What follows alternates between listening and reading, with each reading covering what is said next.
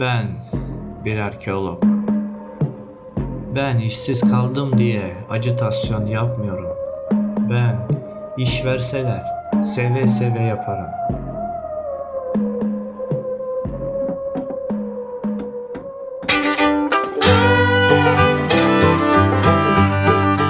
Arkeolojinin az çok ne olduğunu biliyorsunuzdur. Ama ülkemizdeki değerini ya da değersizliği hakkında ne kadar bilginiz var? Kelime anlamı olarak arkeoloji, Türkçe diline kazı bilimi olarak geçmiştir. Bu en büyük yanlışlardan biri. Arkeoloji eskinin ortaya çıkarılması için uğraşan bilim dalıdır. Arkeolojiyle uğraşan kişiye de arkeolog denir. Kitaplardan, Wikipedia'dan size binlerce satır bilgi okuyabilirim. Hatta birazcık bilgilendirmeye devam edeyim. Hı? Arkeoloji kendi içinde birçok farklı bilim dalını barındırmaktadır. Bunlar arasında tarih öncesi prehistorya, klasik arkeoloji, protohistorya, ön Asya, Ortaçağ ve Tevrat arkeolojisi belli başlı ana bölümleridir.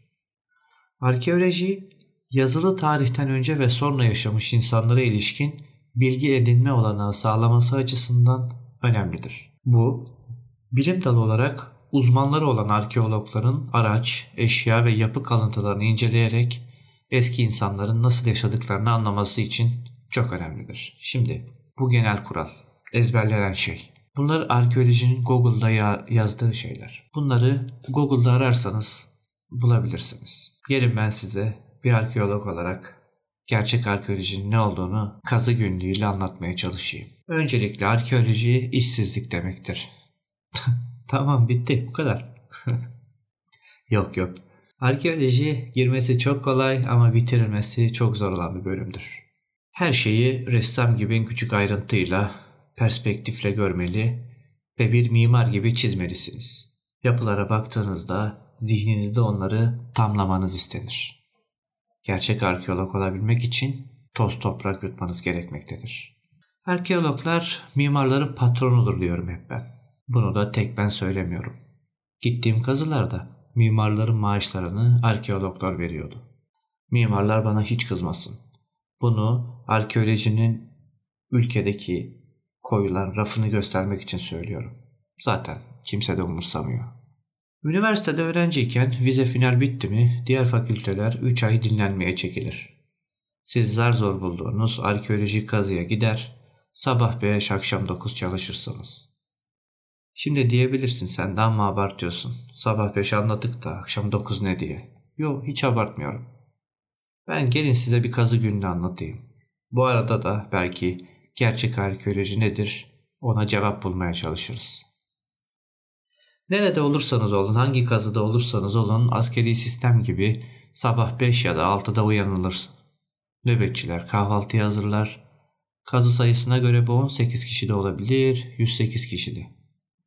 Kahvaltı dediğimde bakmayın işte biraz salatalık, biraz peynir. Uyku sersemi atıştırıp hemen arazinin yoluna koyulursun. Güneş en büyük rakibindir. Güneş tepeye yükselmeden işlere başlarsın. Kaza alanına vardığında emekçi işçi abiler semaverde çayı demlemeye başlamıştır bile. Onlar kazmaya başlar, sen elemeye. Evet elemek. Un eler gibi. Tüm kazı toprağı o elekten geçecek ki bir şeyler bulabilme ümidi bitmesin. Bunlar genel kazı işleridir. Başınızda bir doğum başı olur. Aslında araştırma görevlisi ya da kıdemli kazıcıdır. Onlar size kazıyı öğretir. Söylediklerini iyi dinlemek gerekir. Onun yanı sıra sezonluk çalışan işçiler vardır. Ben senin hocan gibi iki tane eskittim aslanım deyip kazıdaki yerini sana belirtir. Şahin gibi gözleri vardır. Senin kaçırdığın bazı şeyleri o görür. Kıdemlidir zaten. Bilime en çok katkı veren o kazı işçilerimizdir. Ben kalemme güveniyorum arkadaş dersen gidersin tasnif alanına çizersin mimari parçaları. Bir gün tümleyebilmek ve ayağa kaldırabilmek için. Ama güneşe dayanman lazım. O beyaz taşlara vuran güneş iki kat seni yoracaktır. Saat daha onda kızdırmaya başlar güneş. Bir şeyler atıştırırsın, içersen bir sigara yakarsın o buçuk olmadan. Çalışmaya devam ederken saati gelince öğle yemeğine geçersin sonra. Yersin bir şeyler, uzanırsın bir köşeye. İnanın gece uykusundan bile güzel gelir o kestirmeler. Öğleden sonra işler devam. Akşam yemeğe faslı gelir. Yemekten sonra bulaşık yıkarsın nöbetçiysen sonra etüte geçilir. Etüt önemlidir. Kazada birden fazla alanda çalışılıyor. Kim bugün ne yaptı diye dinlersin. Saat 9 olur bir çay kaparsın gözlerinden akan uyku ile. Sohbet edeceksen arkadaşlarla saat 12 yapar. Sonra sil baştan uyanır her gün devam eder bu koşturmaca. Kazılarda tek anlayamadığım şey bakanlık görevleridir. Onlara komiser diyenler de oluyor. Profesörlerden üstündür. Bir raporla kazıyı kapattırır. Tek yapabildiği şey KPSS'de atanmaktır. Neyse. O konulara ileride ayrıntılarla gireceğiz. Uzaktan güzel geliyor değil mi davulun sesi? Koca yaz çalıştıktan sonra haklı gururla okula dönersin. Kimse seni el üstünde tutmaz. Daha da yorar. Bunların üzerine yabancı dil kursları eklenir. Çünkü en az bir dil bilmeyen arkeolog bu işi yapmasın daha da iyi derler. Ama bunu diyenlerin %50'si de yabancı dil bilmez. Vize final dil kursu ile kocaman 4 yıl geçer. Mezun olursun senden KPSS isterler. Girersin. Yeterli puanı alırsın şimdi de mülakat derler. Derler de derler. Alım varsa. Sevgili Romalı kardeşlerim. Size mezun olduğum 2016 yılından itibaren yapılan arkeolog alımlarını şöyle sıralıyorum. Zaten 2016 yılında okul bitirip eve diplomamı getirirken yolda darbe oldu. O şanstan hiç mi hiç bahsetmeyeceğim. 2016 yılında 100 arkeolog alındı. Hani o karı kocaların atandığı KPSS birincisinin açıkta kaldığı sene var ya işte o.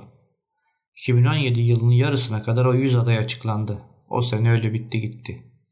2018 yılına girdiğimizde 25 arkeolog alınacağı duyuruldu. 2019'da sözleşmeli personel olarak statü düşürüldü. 83 tane alınacak dediler. Ve bizim askerlik zamanımız geldi. Derken onun sonuçlarını bile göremeden 30'a verme dayadık. Dönüp geriye baktığımda nerede yanlış yaptım diye kendime sordum.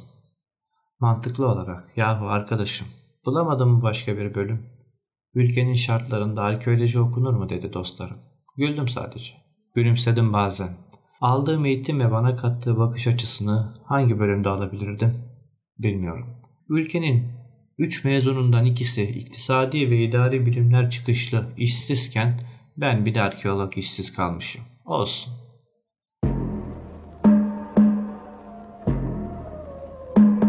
Ben bir arkeolog. Ben işsiz kaldım diye acitasyon yapmıyorum. Ben iş verseler seve seve yaparım.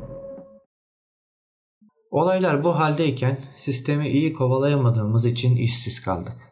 Şimdi çalışıyoruz ama farklı sektörlerde. Birçok tanıdığım arkeolog da zaten yüksek lisans kovalıyor ya da özel sektörde tırmalıyor. Çoğu da polis oldu. Binlerce istihdam bekleyen işsiz arkeolog ya çay ocağı açıyor ya da iş batırıyor. Medyadan görüyoruz. Diğerleri de bir ümit KPSS'ye hazırlanıyor. Ama çoğu artık bıkmış durumda. İşsizlikten ve diğer sebeplerden. Bir insan sevdiği işi nasıl yapamaz ona çok kafayı takıyorum. Genel olarak ülkede genç işsizlik problemi var. Bir ülkenin gençlerinin büyük çoğunluğunun ideal işi, aradığı iş Amerika'ya gidip Uber Lyft yapmaksa, yani şoför olmaksa bizim zaten konuşacak kelimemiz yok. Beni dinleyen ve arkeolog olmak isteyen arkadaşlarıma birkaç tavsiye bırakarak uzaklaşmak istiyorum. Arkadaşım, eğer dışarı baktığında kafanda bir gözlük olmasını istiyorsan, mimari eserlere baktığında diğer insanlardan farklı görmek istiyorsan ve üzerine kültür edinmek istiyorsan git oku. Arkeolojide çok eğlenirsin. Ama yaşım benim gibi 30'a merdiven dayadığında para kaygın olmasın diyorsan başka bir bölüm oku, öyle işsiz kal. En azından pişmanlık duymazsın. Bir sonraki konuşmada arkeolojik kazılardan bahsedeceğim ve arkeolojide atananların neden elitist olduğunu belki açıklarım. Darılmaca, gücenmece yok.